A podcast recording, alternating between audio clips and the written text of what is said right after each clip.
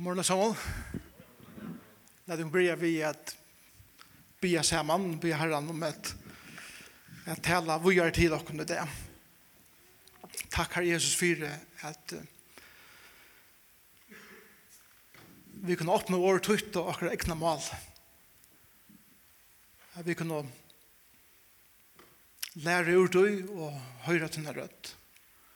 Och vi ber jo i det om att Jeg vet ikke bare skulle være høyre råsins, men eisende gjerer tess. Jeg hentet vikan, og livet fremover skal jeg kjennes av.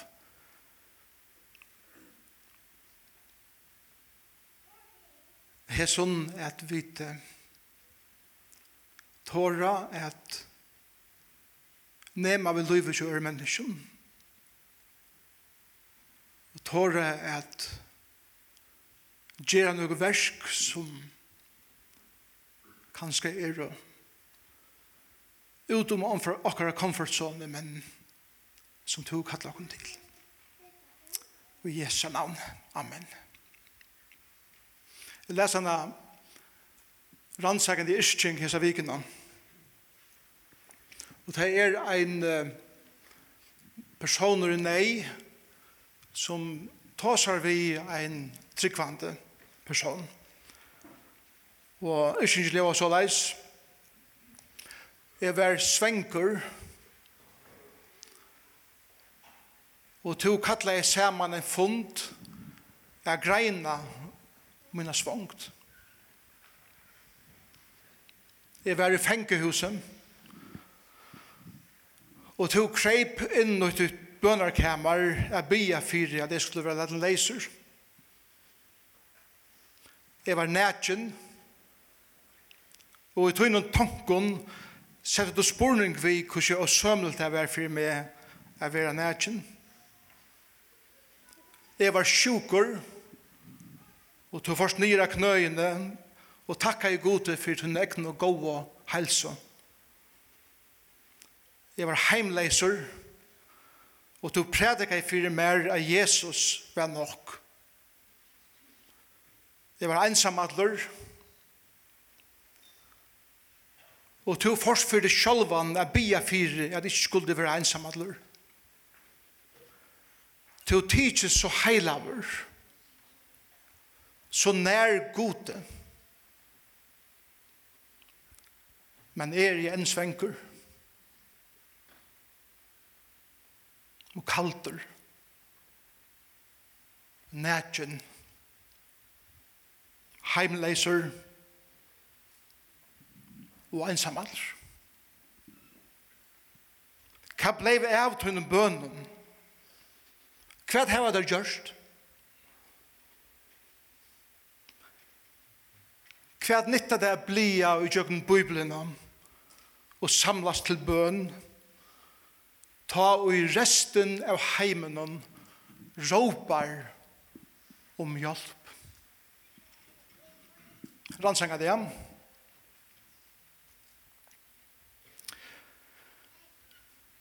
Det som Jakob vil si vi okken er det at vi er ikke kattleie av å være religiøs. Vi er kattleie av å være lærersvenner. Vi er ikke kattleie av å være passiv.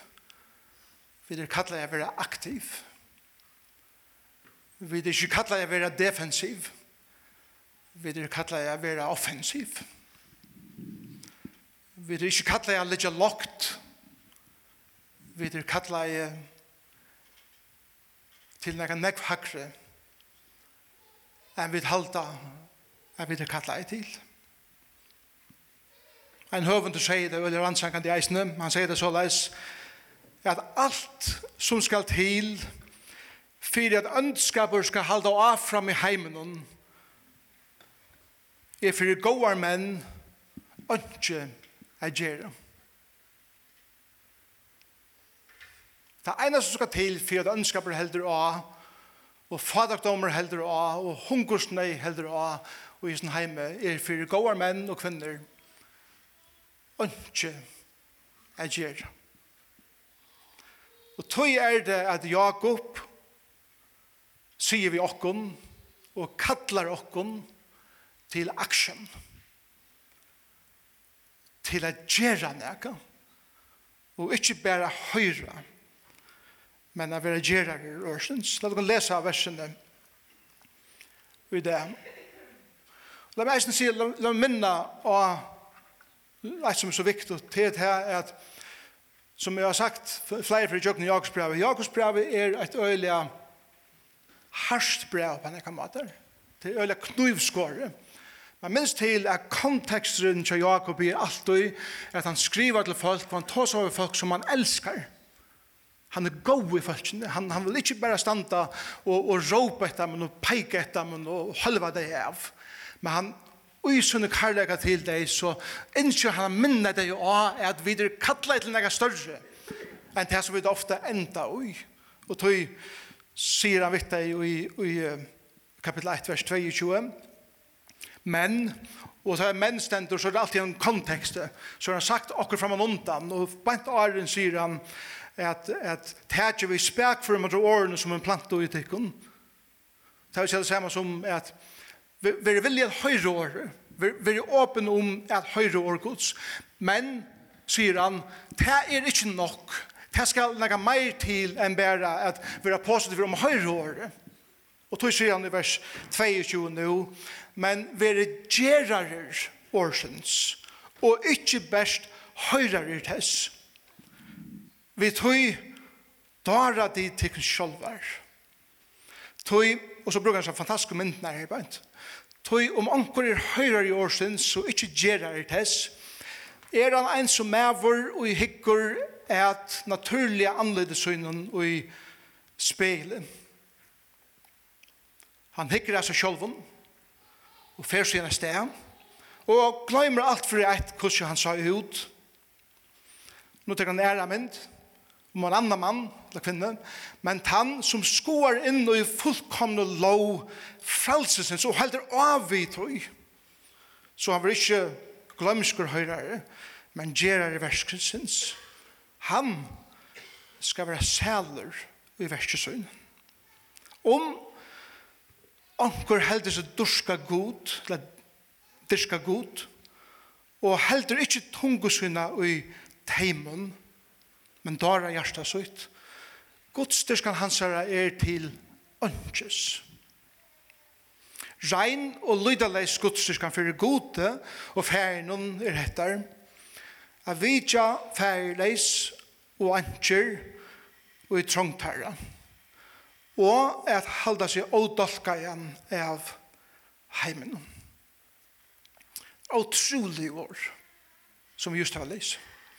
Som, som, uh, som skjera okkon helt inn av bein. Og det første som vi lærer i kapitlen er, er Jakob sier vi okkon, og, og jeg har ikke brukt disse myndene, at i stedet for å slå okkon vi ber og nevon, så teker han en bokshandske på oss, og det er ikke få så illt som vi eh, annars få vi først. Og, og til godt vi først er være slien av året gods. Og han, og han, og han sier det her at til, til, det første som, er, som første iverskriften er hentet han er at vi er kattlet til mer enn bare å være passiv. Vi er kattlet til å være aktiv. Vi er kattlet til mer enn bare å høre og så bare si wow, interessant. Til at lusta vi til fyrir eie at sia, hatta vil jeg føre inn i mitt liv. Det er som Jakob sier, hei bænt. Så han sier at, han sier i versen at, at Beste måten at dara seg sjálvan, beste måten at lumpa seg sjálvan, beste måten at halda at man gjer eit eller annet som man sett ikke gjer, er, er bare å sige, att att vad det var intressant och det var deiligt att vara i det och det var visst intressant att läsa där och så vidare. Och så för hem och och och glömma det och inte ta det in i livet och säga kusse och kvad kan jag göra vi hettar och i min liv och i det och nästa dagar. Kvar människa i min liv kan jag bruka hetta nå. Kvar i min egna liv. Kusse talar hetta i min egna liv. Det är något som vi eier gjøre daglig, ja. Det er nekka sånn at jeg kommer heim at når kvann sunnet det, ta ut av hørst heller og sier, hva kan jeg teka fra du som har sagt det det, grunnt av årkuls, innom mitt liv?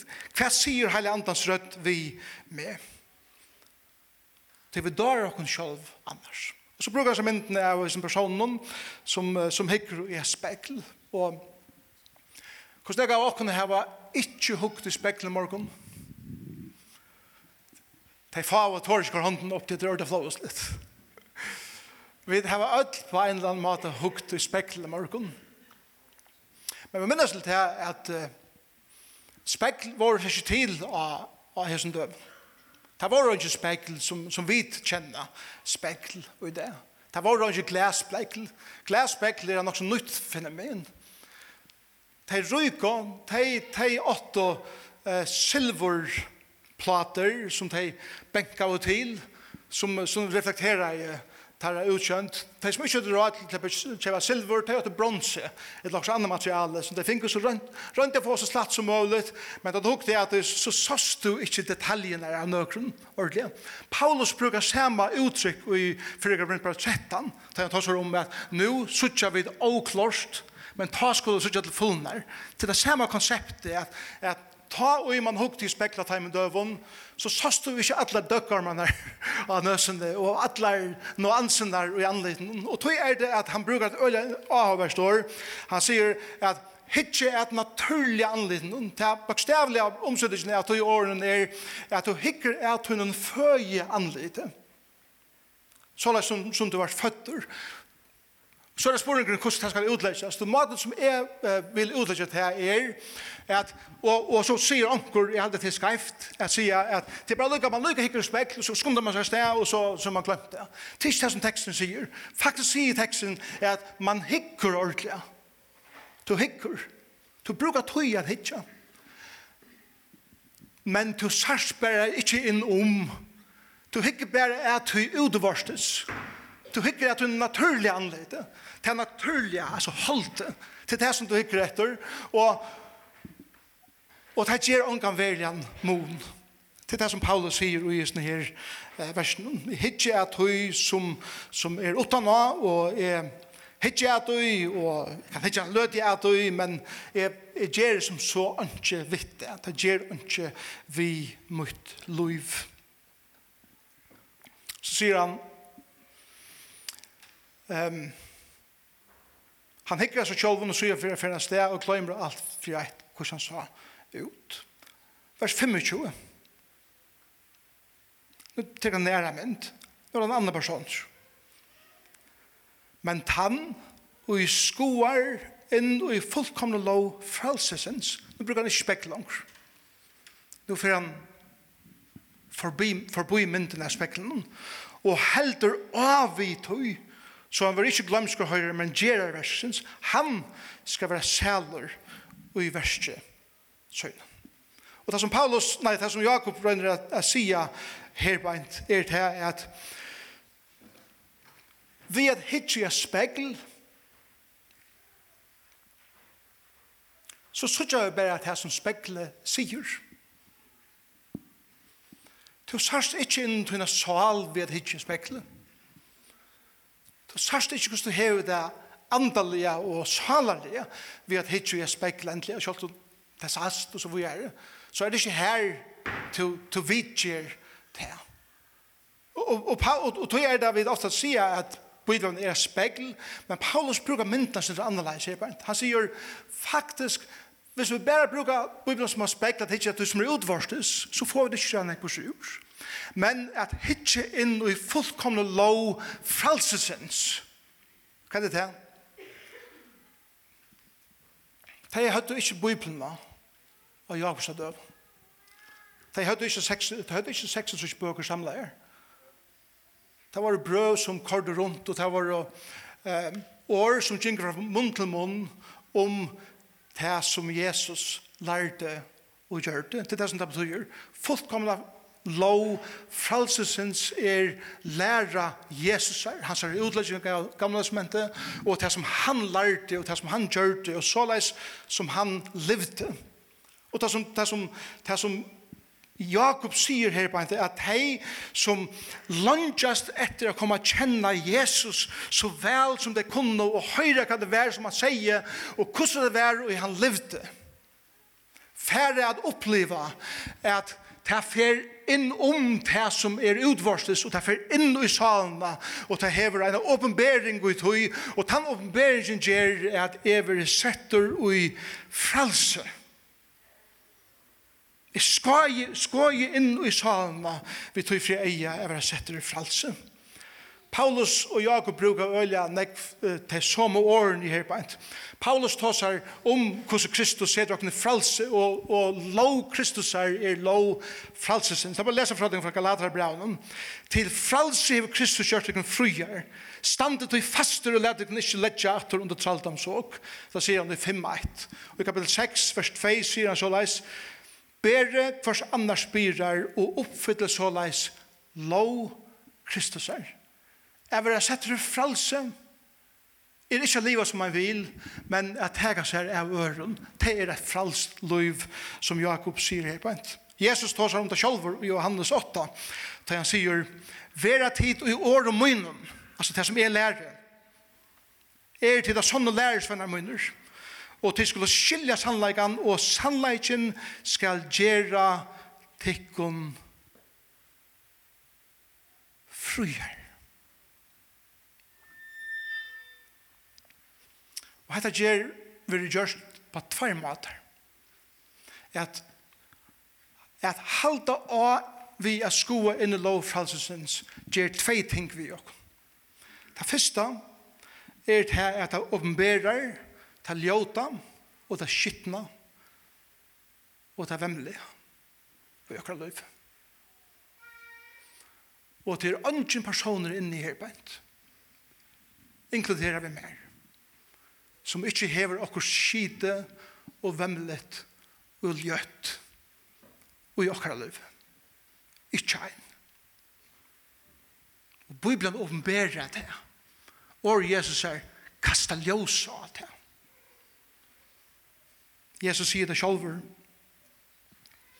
Til innan fra ur hjärsta menneskjans, koma ytlar hugsaner. Silöse, stultur, mandrap, hår, hevesjuka, ønskaper, svik, skamløse, øvund, spottan, hukmå, faveska. Jeg kunne godt sett tikk vi flere av sånne årene nye etter. Hvordan er det tikkene? Har tikkene gjort det? hjem? Så så, ta og i år gods åpenberer hest hinsene fire åkken, så er det ikke vi tog fri eia at slå åkken, Så er vi bare for krupande, vi djupare skom i løyven og gøy med okken. Enda maler vi at skoa inn i fullkomne lovfrelsesins, er vi tog fri eia, er kasta ljós av det, så er vi suttja det, så er vi sitte året av det, og ta vi sitte året akkurat sind i løyven, og ta skittna, og ta vemlige, og ta året i akkurat løyve, ta misse det, klattna i akkurat, ta misse kraftene, i akkurat liv, til endamålet vet du. Men til et annet endamål eisen vi i året gods, som det åpenberer i akkurat livet, og det er det vekra, og det regna, og det dyra bæra i akkurat liv. Av samme hatt som vi har et møvlig skiten og tvite ting i akkurat liv, så har vi lyka nekv og meir av hinnom til vekra og underfotla som god til å lagt i akkurat liv Fast det er du, kære syster, kære bror, at lyga mykje hver du erst løvende, så er du skapt, og du er skapt og bilar det gods. Det betyr, det betyr at du, einast stannar tun tunn reflekterar ein parst av kvar ui god er. Og til vekkust, til fantastisk ui tun løyve. Og, og god vil minna det atter og atter og i sin nåre ta, jeg vet ikke bare høyra det, og derfor forboi, men vi høyra det og tega det inn, at han sier, du er som konga døtter, du er som konga soner, du er fullkomlig rensa vår fyrirskiven, jeg har givet det hele andan som, som rensa det som bror Kristus er, jeg leia det heim, alla veien, og han fyr ikke fra der, og han fyr ikke svijet. Året vil djeva okken hans tingene her, ikke bare høyre, men at, at tega det til ferska i okra løyve. Så jeg kan vakna morgenen og sige, ja, det er synd i min løyve, og det vendi vi fra, men ja, det er vekerleis i min løyve, og det gledes du om at god til å give mer, og at han omberer det for, for mer i min løyve. Vi tar bruk for at jeg høyre bæger, så at, at vi, vi, vi blir ekta i det og få balanse i livet. Og så sier Jakob i, i neste versen, han skal være sæler i versken sin. Han som teger det, og gjør det vitt det, han skal være sæler i tøy som han gjør. Og så, så får Jakob nå at jeg gjør trutjar mynter. Først hva det ikke er, og så gjerne hva det er. Og jeg skal regne at jeg gjør kjøttet av. Og jeg kallar vers 26-26 at versk kommer til kjentare og i gudstyrskan okkar. Fyrst er det en avhæring, vers 26, om anker heldes i dyrka god. Og møvelig er ordentlig aktiver i at møvelig. Men, ikkje heldur tungesyna i heimen, men dara hjertas ut. Gudstyrskan hans er til ønskjøs. Hata hata orð að halda tunguna teimon er at øyla kraft og uttrykk. Det er en hugstykna person som setur seg á 1500 pund hest. Vi er så rævlig kraften som han hever og heldur i teimen som færer i boksle og han styrer hese øylig vektene vi vi som teimen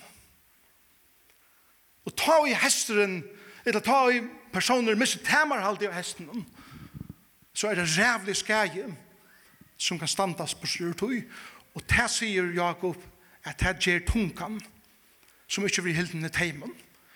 Det gjør slæter. Det gjør likner. Det gjør baktal. De som, som opplever baktal og slæter og likner i løyve, de vet hvordan ilt det gjør. Og de vet hvordan skia det gjør. Og det som Jakob sier, at, at vi, vi kunne godt halda hendene oppe og prysa gode, men hvis vi er folk som, som, som bergtala og som likva, og som likva kunne tjøkken løyve. God er slett ikke interesseret over og i tog som tog gjerst utvarstes fyrir han. Til at tungan er beileiskanalen nir og hjersta og det som hjersta er fullt av, kommer ut og gjøkne munnen og kommer til kjenter. Utvarstes versk vil jeg avsløre i uthøy som jeg sitter i åra og i min liv og kusse. Jeg, jeg har brukt hele kapittel om tungene ut i kapittel. Så skal jeg ikke gjøre så reale kvitte her beint.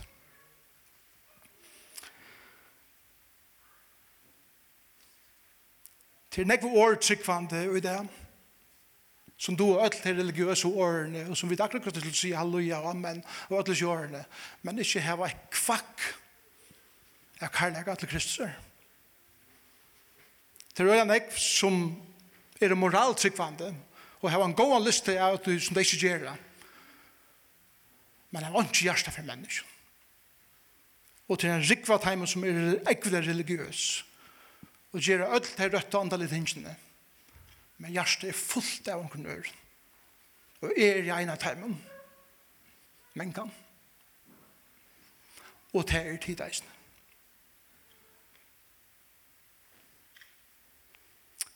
Kjenner du navnet John Wesley? John Wesley var Bajja sier at Charles har skrivet nekver av sangen som vi har sunnet i mange, mange år, og John var mer predikamæveren, og her bajer Bajjaner. Hatt en fantastisk vetjeng i Ånglandet som, som får inn i arbeidsmiljøet og kolvelte alt landet som det var. John Wesley var en øyla skarspe mæver, og som ikke var bensje for nøkron, Og han fortalte, les om John Wesley, at en dag inn så, så prædikar han i en, en, en større mångt, og at han visste at han sett, han sett en kvinna framalig i en bunche, og hun sett vi armen og så leis, vi skeptisk nei, og han visste at det var en kvinna som beis letrar, og er øyla negativ om alt som hun kommer i holdt i livet. At han møter, så kommer det kvinnan opp til John Wesley, og, og sier vi henne at Jeg fikk ikke bort ur tog som du sier, tog jeg slipper så ikke at jeg var for lengt. At det er sånn søvann. Og ta var det ikke slips, ta var det mer til som tar for det ut på forskjellige mater. Og, og så sier John Wesley ved henne, um, ja, men altså, um, du hun rett på det? Ja så sier John Wesley, kunne vi få fætter en par av sakse, så, så du kan klippa det til akkurat så som du vil ha det. Og de, de skaffa av sakser, og John Wesley sier vi henne, just vel, nå kan du klippa det akkurat som du vil, og, og så vil du glede. Og hun klippte det. Og hun rattet det til, så er som hun helst, at, at rattet langt den vær. Og så sier John Wesley vi henne, nå har du sagt vi mer, eller vi med, hva du ikke dama vi mer, og hva du offensivt fyrer til. Kan jeg slå å gjøre det samme med det? Og han sier, ja, det er ganske godt. Så sier han, kan du stinga tungen under munnen til hun er for leng så det kan ratte henne til. Han kan seg omgang når jeg ved John Wesley. Så det er hatt det her som skal gjøre vi slik folk som livet er av slætre og ødelen dem ting, Jeg ser det på plass. Særlig at han kallar seg for godstyrskant. Ja Og så sier Jakob at det, det som det, som det snøy seg om, det som har en hikker etter, det som er det som er hjertet for gode, ferden og himmelen er etter. At du har hjertet for tog som god har hjertet for. Og til at hega seg av antjon og ferleisen og i neiterra. Og hva er det til? Antjer og ferleis og Jakobs av døven var de som var aller lagst i samfunnet. En kona som miste sin mann, og et bad som miste sin pappa, miste alle inntøkket, og alle, alle livskår, og de var fullkomlige, fullkomlige hjelpersleis og allan vegin i tjøkken skriften, i tjøkken alt gamla testamentet, i tjøkken alt nye testamentet, er eit av det som vi har sagt allar ofta i tjøkken skriften er, til det er god hever hjärsta for teimen, som ongar rødt heva, og som ongar chans heva. Og det som Herren sier vi okkon er at vi kunne sida som nekva møte som vi vilja, og fara heim og ta seg om hvordan gå eller ring til han vær som vilje, eller lov som hva som skal være og så fara vi gong vi akkurat ting som vi gjør hvis det ikke teker det som vi har hørt og praktiserer det ut i livet og hever Guds hjärsta vid heimom som er neistød og som han ikke hever. så er det ikke regn og lydelest og Guds styrkan tvers du Det skal kosta meg. Vi vet at det kan ikke gjøre det Kanningar har gjort, vi har vært gjort der, at om tryggvande, folk som vit, og i Vesterheimen, Europa og Amerika, hadde givet tutsjund. Hvis vi hadde givet tutsjund av okkar inntøk, så hadde vi kunna byggt så nek badnaheim hospital og skolar kring Adlanheimen at andre bøten hadde vært av gøtenen og heim, i heimen, heimleis og svong og i det. Hvis vi bare vet som tryggvande hadde sett noen fyra, det vil gjøre tutsjum av tog som jeg tjene, vi tror for jeg er at gjøre hatt av møvelet. Bare et døme. Men 25.000 bøten dødja daglig ut i gøtene og i sin heim. Tog jeg vid ikke er gjerrar i årsens, men best høyrer i tess. Tog er det er ikke som byrja vi verla burde tala vi okken. Og så sier han og at halda seg ådolka igjen av heimen. Og det er å brenna fyrir tog som Jesus brenner fyrir og til heila leika. At vi er sett til suyes og hakre at hakre kallu i okra løyve enn vi mengan liva. At grat om synd i okra løyve Jeg ser det som mørk. Fyre kan vi løyve i noen løyv. Men så sier det, da jeg sier det her, så kommer jeg beina vi, vi tanker vi at det er listene som vi har om alt det du skulle gjøre det som skulle gjøre. Det er slett ikke det som Jakob sier her beint. Jakob sier noen ikke mer, vi får illustrere det her og enda vi tog i en, i en søve tja kirkegård som, som er en illustrasjon om, som han vil si om etter. Og Kirchegård sier så leis en flokkur av vildunnen flo norretter i Europa. Om vare. For jeg finnes her sjål til sommer i Norrlondon.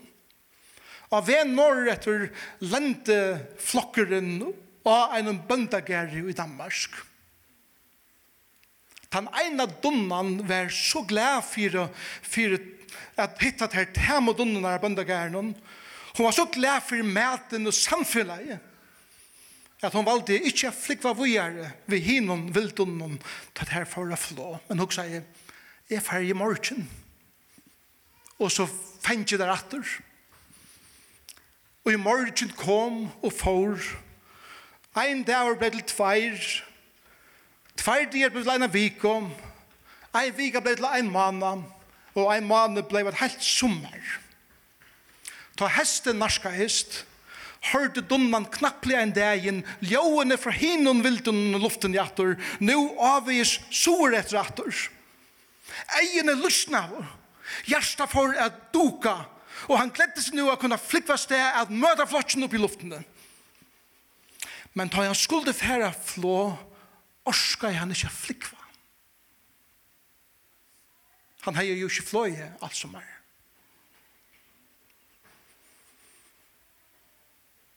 Han flaksa i negra metra til enden av bøndagaren, men orska ikke meir.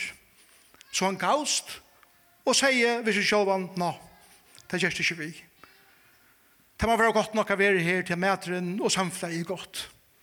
Kvart sommer og kvart hest Lusna av egene og hjärsta for å benka, til han hørte ljåene av vildunnen som kom og sånn fra norr etter, og tar det for og når fra sor etter. Og han, og han rønte jeg flaks av vannsjonen, men det gjør det bare tingre og tingre år etter år. Og der hvor hun kom, ta i dunnan, ta i dunnan der, flo i bandagernen, men dunnan kvørste hørte der, etter rønte. Jeg flikva han. Han var, og her er moraleren, han var, eller, dunnan var kommet så lengt fra tøy som hon opprona var kattla til, at hon var blivit nøgd ved å lytla og den avmarskaja bøndagæren og i Danmark. Vider kattlet til nega større, og vider kattlet til nega meir. Men okkar største avbjørn i livet er at han er det eneste han. Blei det beheilig nok å sitte her. Og å synge sammen, og å bya sammen, og å være sammen. Så deilig. Ta vid høyre og fortelle tro bare sover etla om ting som god gjør ærestene, så, så fer hjertet benka synder, men som arne genka, så er det bare, ja, deilig sitt teimen. Ja og vi gløyma at eisne vit er kattlei til nega hakre og større enn det som vil liva ui, nu. Det er det som det betyr etter kyrkje vørt at halda seg odolka igjen av heimen til bia saman sammen.